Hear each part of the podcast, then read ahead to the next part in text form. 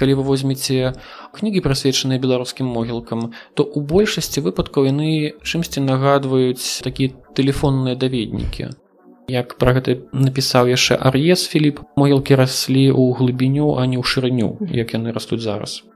У адрозненне ад хрысціянскіх могілак яны знаходзіліся па-за межамі гарадоў яшчэ да канца 18 стагоддзя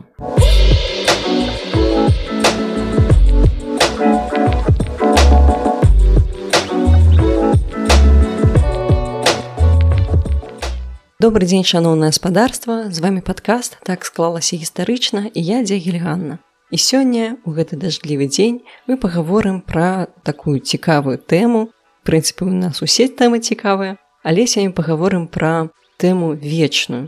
Мы пагаворым пра антрапалогію смерці і пра могілкі і у нас такую гатычную некаторую накіраванасць сёння у нас у гасцях Сергей грунтоў кандыдат гістарычных навук этнолог Вітаю Сергей прывітанне скажите калі ласка як так склалася ну напэўна гэта ўжо традыцыйным мне пытанне як так склалася што вы зацікавіліся смерцю? Ну я зацікавіўся у першую чаргу не смерцю а могілкамі. Вось таму што яны бываюць старыя беларускія могілкі вельмі прыгожыя. Я гэтым зацікавіўся яшчэ ў студэнцкі час. У нагістфаку БДУ пісаў пра гэта дыпломы. Могілкі тады былі ну, вельмі мала даследаваныя беларускія і было такое адчуванне першаадкрывальніка. Можна было прыязджаць на могілкі знаходзіць там калонны анёлаў знаходзіць параўнальна некранутыя доўгае 19 стагоддзя займацца гэтым не прасіць дазволаў не думаць пра час працы архіва напрыклад. Я тады яшчэ нела што архіў ўсё роўна спатрэбіцца і так далей і так далей была такая свабода і вельмі адкрытае поле для даследаванняў вось з таго часу. А які ў нас самая ну, можна сказать знакамітая гістарычная могілка беларусі? Сярод знакамітых хіба можна назваць канешне мінскую кальварыю гарадзенскія фарныя могілкі і праваслаўныя могілкі насупраць іх. Таксама могілкі ў магілёве ў першую чаргу каталіцкія могілкі у Ну і таксама габрэйскія могілкі там жа, якія зараз вельмі добра рэстаўруюць мы можам казаць, што сярод габрэйскіх могілак Беларусі, напэўна, гэта адны з самых цікавых, калі коротко, то так. То бок у першую чаргу у нас могілкі можна падзяліць па такім канфесійным прынцыпе. Так могілкі і ствараліся па канфесійным прынцыпе ён быў страчаны толькі з прыходам бальшавікоў да ўлады калі могілкі былі секулярызаваныя яны былі аб'яўлены як бы уласнасцю ўжо не царквы а дзяржавы. Да гэтага ўсе могілкі разбіты канешне па канфесійным прынцыпе. Іншая справа што нерэдка бывае так што гэта як бы адныя могілкі падзеленыя скажем на две часткі. Злева праваслаўныя справа каталікі і у такім вось прыкладна духу. А скажитеце калі ласка вось з чаго трэба пачаць вывучэння калі вы зацікавіліся тэмай могілак раптам Ну я думаю што трэба зрабіць две справы добра па них пагуляць паглядзець пачытаць што напісана на надмагіллях. Пазнаемся з нейкай базавай літаратурай па тэме яшчэ раз пахадзіць паглядзець ўжо па-іншаму і вось так паступова пачнецца вывучэнне могілак. А якую карысную інфармацыю мы можам знайсці вось на могілках? Я так разумею можна падзеліць яе на пісьмовыя некаторыя звесткі на выяўленчыя звесткі таксама што характэрна для беларускіх могілак у гэтым плане Ну у першую чаргу сёння вось тое што вы можете знайсці на могілках з умоўна старога скажем да рэвалюцыйнага перыяда гэта ў першую чаргу над магілі пастаўленыя заможным насельніцтвам. Это шляхта пазней гэта мяшчанне. Гэта людзі якія мелі грошы каб паставіць даскова трывалыя помнікі. А адпаведна вывучыць напрыклад сялянскія могілкі 19 стагоддзя у нас параўнальна не шмат шансаў але гэта таксама ўсё яшчэ можна зрабіць. У некаторых рэгіёнах захаваліся крыжы ад канца 19 да першай паловы два стагоддзя драўляныя з эпітафіямі. Значыць гэта ўсё яшчэ пакуль таксама дасяжна. Ну напрыклад у налібаках дзе працавала мануфактура якая ліла железа вельмі добра захаваліся могілкі з літымі крыжамі. І вось большая палова гэтых пахаванняў гэта другая палова 19 стагоддзя гэта таксама сяляне каталікі з вакольных вёсак. Таму гэтага можна дацянуцца. Але ў першую чаргу канешне гэта будуць пахаванні шляхты гэта будуць розныя павязаныя з гэтым інфармацыя роды генеалогіі часам будзе напісана розныя тытулы званні і гэтак далей Гэта тое, што ў першую чаргу звычайна цікавіць людзей, якія праходзяць на могілкі. Іх цікавіць ці то лакальная гісторыя, ці то генеалогія, а астатні як бы трапляе в слепую зону. Гэта цікавіць іх значна меней. Калі вы возьмеце кнігі прысвечаныя беларускім могілкам, то ў большасці выпадкаў яны чымсьці нагадваюць такія тэлефонныя даведнікі. Вы бачыце вот напрыклад па кальвары і спісы пахаваных вельмі доўгія добра калі там праведзены эпітафіі але ў першую чаргу цікавасць канешне біяграфічная да могілак у нас А якія ёсць характэрныя рысы для могілак плане эпітафій напрыклад пра што пішуць добрае пытанне ну самым важным было напісаць імя памерлага імя гэта тое што узгадваецца памінаецца. Гэта важна ў хрысціянскай логіцы каб гэта імя было. Пасля гэтага абавязкова пісалі год смерти ну калі ўвогуле пісалі. І ўжо значна пазней абавязком стало пісанне даты нараджэння. Дзесьці да пачатку два стагоддзя базовая форма гэта напісанне не даты нараджэння а колькасці пражытых гадоў. Прытым мы добра ведаем што гэтая колькасць была вельмі умоўнай. Пісалі 50 60 гадоў 65 гэта прыблізны акруглены ўзрост таму што дні нараджэння не святкавалі ў 19 стагоддзе і нават шляхта далёка не заўсёды дакладна ведала гэту дату і гэтак далей. У выпадку жанчынамі пісалі абавязкова з якога роду яна паходзіць і так род па яе мужу і род па нараджэнню. Часта пісалі калі гэта былі вайскоўцы пісалі іх званне у цывільных прафесіях пісалі лекараў часам настаўнікаў часам інжынераў. Абавязкова пісалі калі гэта былі духоўныя асобы.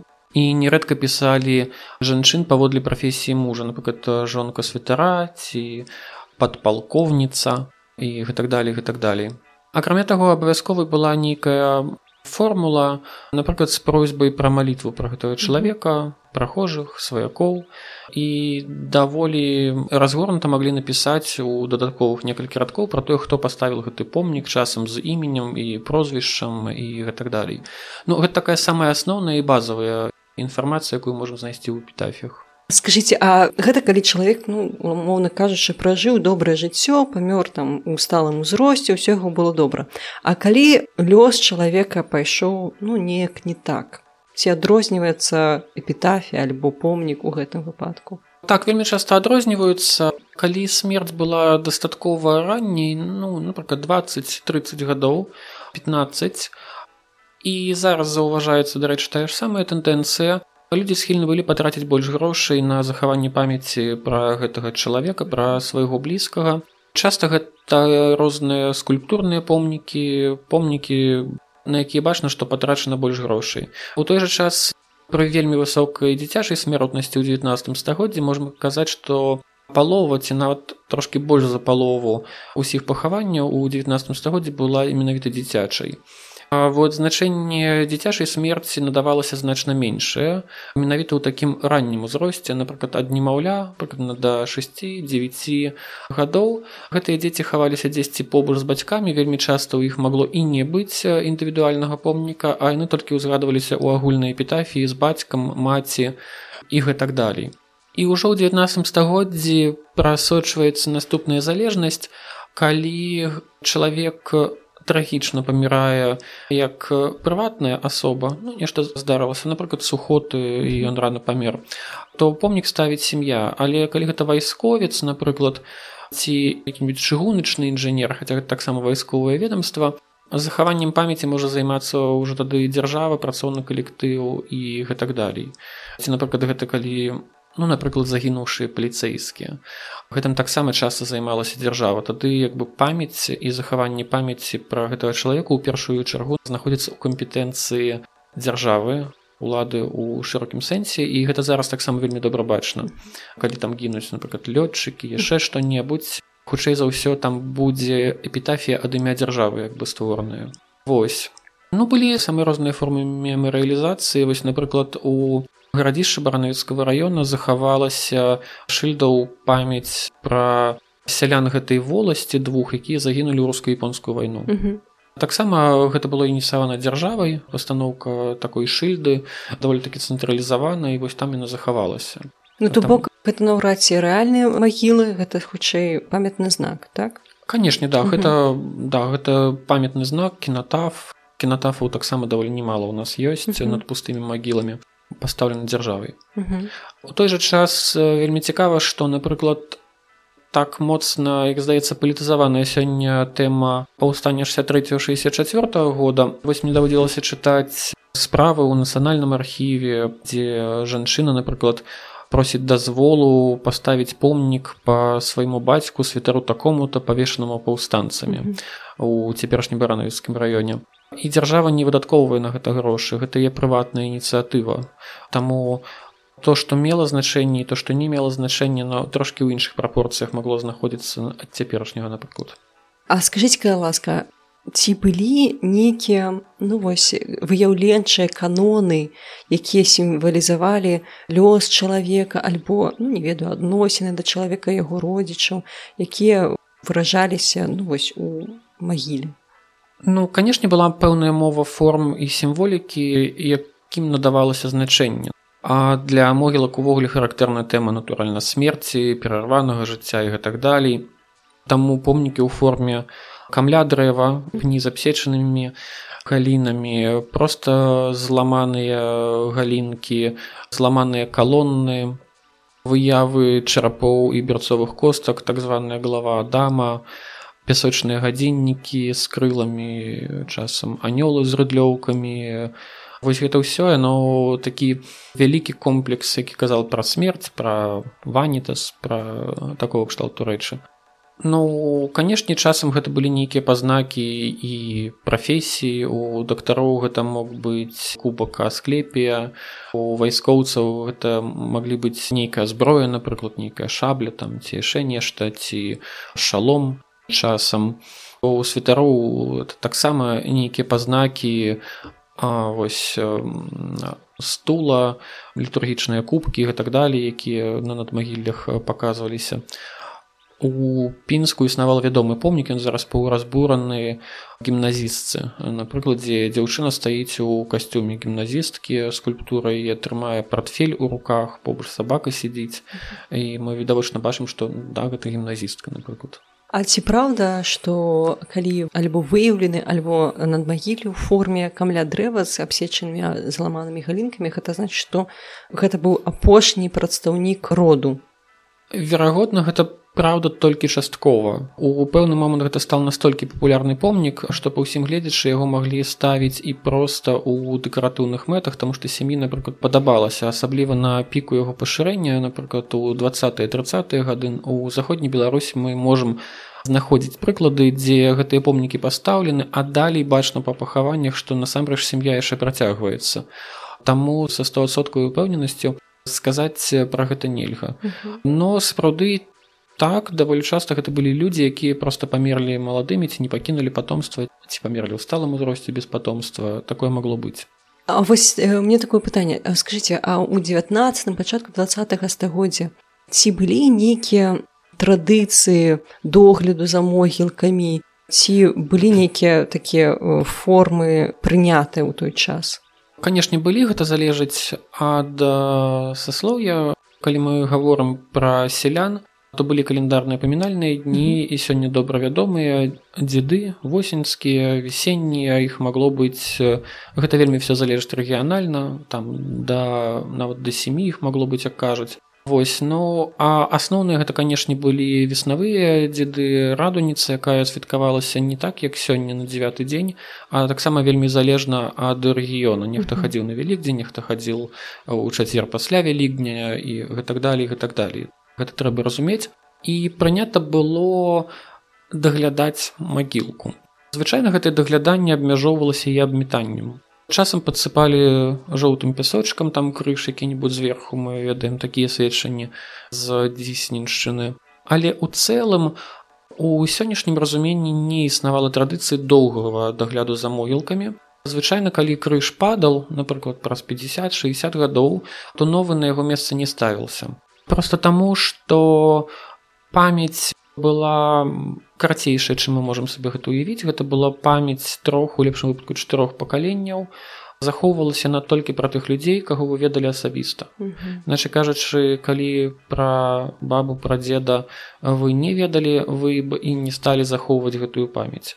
У гэтай жа логіцы падпарадкавана і ў прынцыпе самі памінальныя традыцыі беларускіх сялян дзе апошнія індывідуальныя памінкі гэта гадавіны. Пасля все памінаюцца як дзеды там бабы і гэтак далей гэта абсалютна натуральнае заціранне гэтаму спрыяла і вельмі нізкі ўзровень пісьменства ў грамадстве тое што эпітафіі былі параўнальна рэдкімі і асабліва на драўляных крыжах таму што іх проста не было каму чытаць у шырокім сэнсе. Всё гэта вельмі спрыяла сціранню памяці. Таму калі мы чытаем апісанні этнографаў і падарожнікаў за 19 стагоддзя, вельмі часта мы там бачым пахіленыя крыжы, гнілыя крыжы, гнілыя калоды, нешта ў стане такого паўраспада. Але насамрэч это вельмі даўняя традыцыя, яна была ўласціва і для гарадоў дзе былі пахаванні вакол храмаў дзе гэта хутка пласт мяняўся за пластом і гэтак далей. І як пра гэта напісаў яшчэ ар'ез філіп могілкі раслі ў глыбіню а не ў шырыню як яны растуць зараз. Але гэта пра сялян. Канешне у шляхты гэта маглі быць іншыя традыцыі просто таму што помнікі на могілках былі больш трывалымі х прынята было наведваць. І асабліва гэта наколькі разумею развілася пад канец 19 пачатак 20 стагоддзя гэта традыцыя дасягнула піку. Прыносілі знічы прыносілі розныя лампады глядзелі каб помнік быў дагледжаны нерэдка абсажвалі кветкамі ці кустамі пахаванні імкнуліся каб яны былі кампактна размешчаны. Гэта значыць каб уся сям'я лежала разам на адным участку што ў прынцыпе было і для сялян уласціва. Часам у адной крыпця часам яна была пад капліцай але вельмі часта яна была просто на могілках і сёння мы можам не бачыць і не разумець што пад намі даволі вялікая крыпта скажем на 10 трун знаходзіцца над якой стаіць адзін помнік ці два помнікі. Але ў той жа час трэба разумець што напрыклад як сёння спецыяльна ў іншы горад калі так сталася дзе пахаваны сваякі ніхто б не паехаў. Может быть это здаралася раз за жыццё может быть два но такой традыцыі таксама не было. Іначе кажучы пры нізкім узроўні мабільнасці калі некалькі пакаленняў жыло ў адным і тым жа месцы захаванне памяці падтрымлівалася вось гэтай фізічнай на могілках. Калі напрыклад сям'я пераязджала напрыклад у петербург ці калі адбывалася так што маёнтак прадаваўся а гэта ўсё вельмі хутка праходзіла у занядбанне. Мы маем апісанні капліц пахавальні з 19 стагоддзя закінутых з павыбіванымі шыбамі. Просто таму што памяняўся ўладальнік яму няма ніякай справы да того хто там пахаваны і што там увогуле Гэта ў першую чаргу у нас тычыцца хрысціянскіх могілкаў так. А скажитеце калі ласка а ці былі ну нейкія прынцыповыя альбо не вельмі прынцыпова адрозненні паміж каталіцкімі могілкамі і праваслаўнымі могілкамі? Ці можна іх знайсці такія адрозненні? Ну гэта добрае пытанне. Інтуітыўна падаецца што для каталіцкіх могілак все ж крыху больш была ўласціва. Вось гэта ідэя сям'і роду яе сувязі з пэўнай тэрыторыяй можа быть таму што каталікі былі пад ударам рэпрэсій пасля задушэння паўстання 63-64 гадоў і для іх гэта было абвостранае пытанне захаванне па-першае свайго веравызнання захаванне ўласных маёнткаў менавіта як каталіцкіх таму род сямейнасць вось такая яна артыкулявалася мне падаецца больш чым у праваслаўнай традыцыі. Але гэта хутчэй адчуванне колькаснае чым якаснае таму што безумоўна мы ведаем выбітныя праваслаўныя пахавальні ў міры у гомелі а іх было насамрэч значна больш. Мы ведаем цэлыя такія сямейныя участкі на могілках у тым жа магілёве на праваслаўных могілках. Таму Можа быць, для каталікоў больш уласцівай была традыцыя вялікіх падземных склепаў. Таму што ў 19 стагоддзе вельмі часта магіла была мураванай і ў праваслаўных і ў каталікоў. Але наколькі я сабе ўяўляю сітуацыю, у праваслаўных часцей гэта была магіла на адну-две труны, а у каталікоў нерэдка гэта былі значна большыя цагляныя склепы падземныя, напрыклад на 8-10 і больш асобу Ну гэта ў большай ступені конечно хрысціянскія могілкі так? Калі мы гаворым пра гістарычныя габрэйскія могілкі што там характэрна? Што вось можа пабачыць кожны чалавек калі ён прыйдзе?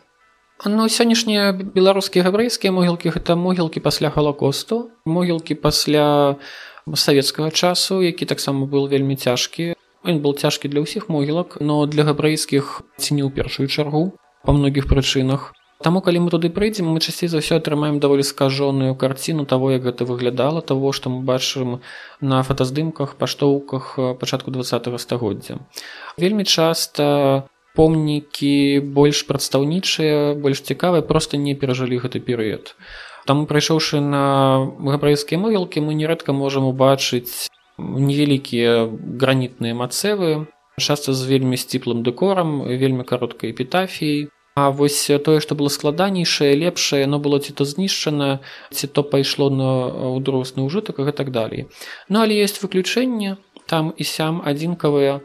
Вот лепшы прыклад гэтага згадану ўжо магілёў мы можам убачыць як насамрэч выглядала гэта ну пакат на пачатак два стагоддзя у міжваенны перыяд. Можам убачыць і мацэвы больш такой традыцыйнай формы з нейкай дэкаратыўнай верхняй часткай эпітафіі снізу такія плоскія вертыкальныя стэлы а можам убачыць і помнікі, якія вельмі блізкія па форме тым, што ёсць на суседніх хрысціянскіх могілках это і калонны і больш складанай формы стэлы з порцікамі і гэтак далей і нават там сям захаваліся огелі гэта як бы у хрысціянскім лексіконе гэта было б названа надмагільнай каплічкай но насамрэч гэта нешта кшталту такого мураванага шатра а раней на былейшыя драўляныя. Над магіламі асоб якіх абрэйская супольнасць прызнавала бы заслужанымі і гэтак далей. Вось усё гэта можем пабачыць на могілках. Адзінае што канешне пры адсутнасці веды у еўрыце гэта будзе для нас роўна закрыты свет У міжваенны перыяд сталі з'яўляцца білінгвай эпітафіі на іўрыце і, напрыклад, па-руску ці радзей на заходняй беларусі па-польску а ў пасляваенны перыяд уже і чыста рускія эпітафіі гэта больш зразумелая частка гэтага свету. Варта памятаць вось што. У адрозненне ад хрысціянскіх могілак яны знаходзіліся па-за межамі гарадоў яшчэ да канца 18 стагоддзя Вельмі часта сёння мы думаем, што яны знаходзяцца ў гарадах, гэта толькі таму, што гарады разрасліся. І вось гэта традыцыя ставіць у тым ліку мураваныя помнікі, яна даволі даўняя. І знайсці, напрыклад, габрэйскае надмагілля 18 стагоддзя на габрэйскіх могілках больш-менш захаваўшыхся, вам будзе значна прасцей, чым на хрысціянскіх калі для хрысціянскіх могілак это насамрэч рэдкасць абсалютная большасць наших могілак не мае таких надмагілляў то з габрэйскімі могілкамі гэта здараецца там і сям. Ёсць вялікія знаходкі десяткамі мацэву 18 стагоддзя у глыбокім ёсць мацэ 18 стагоддзя ў ракаве і гэтак далей. Таму вось глыбіня гэтага слоя эпіграфічнага у габрэяў глыбейшая і я думаю таксама важны напамін пра тое што у мясцовая супольнасць супольных жыхароў беларусі на калісьці была іншай. Я ведаю што нас захаваліся могілкі габрэйская з драўлянымі мацэвамі. Гэта насамрэч унікальная рэч у вёсцы ленін. Таму можна так думаць што драўляны таксама былі але ну зноў такі да нас дайшлі толькі каменныя мацэвы. Так мы гэта даволі добра ведаем па ілюстрацыях пачатку два стагоддзя да мы ведаем што іх было вельмі шмат.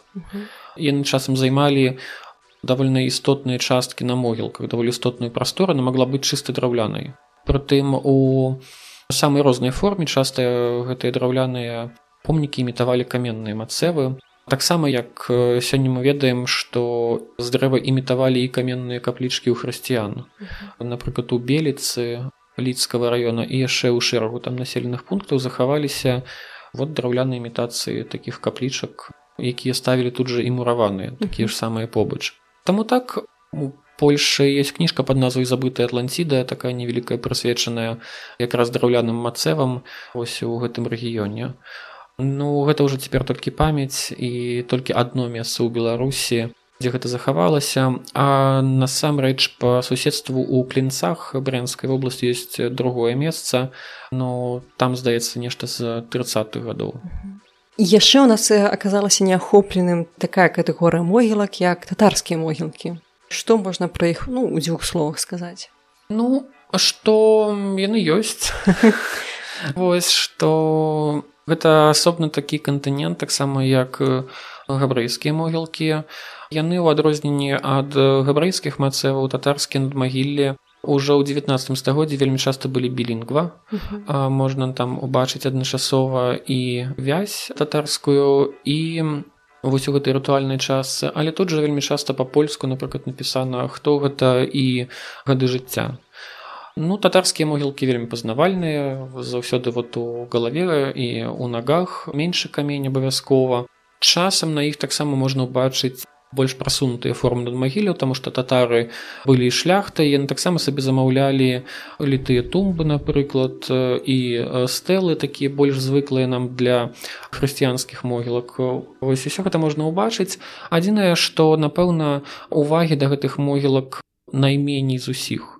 Таму што калі габрэйскія могілкі так ці інакш аказваюцца у фокусе розных эпіграфічных экспедыцый там сэфера напрыклад не толькі сэфера розныя міжнародныя арганізацыі неяк спрыяюць таму каб іх ну хоць неяк даглядалі і часам і працавалі з імі то з татарскімі могілкамі ўсё складанне ёсць некалькі выданняў па татарскіх могілках беларусі але вось каталогаў па нейкіх большых могілках напрыклад па міруці яшчэ па-нейшым я прыгадаць не магу і не ведаю па шчырасці ці вядзецца такая справа падазраю што не. Апісалі на эпітафіі на арабскай мове альбо беларускай арабіцы? Добрае пытанне наколькі я ўяўляю а я зусім у гэтай справе не спецыяліста па-арабску была напісаная рытуальная частка абавязковая ў версе далей ішоў напрыклад польскі тэкст але ці існавалі там арабіцай напрыклад польскія ці беларускія нейкія надпісы я не ведаю але хутчэй нечым да мне падаецца ну так пэўна гэта ўсё ж такі вельмі кансерватыўная частка Дзякуй вялікі за такую цікавую размову. На гэтым наш сённяшні выпуск гэты выпуск пра гістарычныя могілкі Беларусі скончваецца. А ў другой частцы мы пагаворым ужо пра сучасныя могілкі, сучасны магільны свет Беларусі, можна так сказаць. Я вельмі ўдзячная ўсім маім падпісчыкам у нстаграме, у іншых сацыяльных сетках, асабліва я ўдзячная маім спонсорам на платформе патрыон дзякуючы якім гэты праект можа рассіі развівацца далей. І я ўдзячная усім слухачам якія слухаюць оставляюць каментары оставляюць свае водгукі. Гэта ўсё вельмі важна для развіцця праекту. Да пабачэння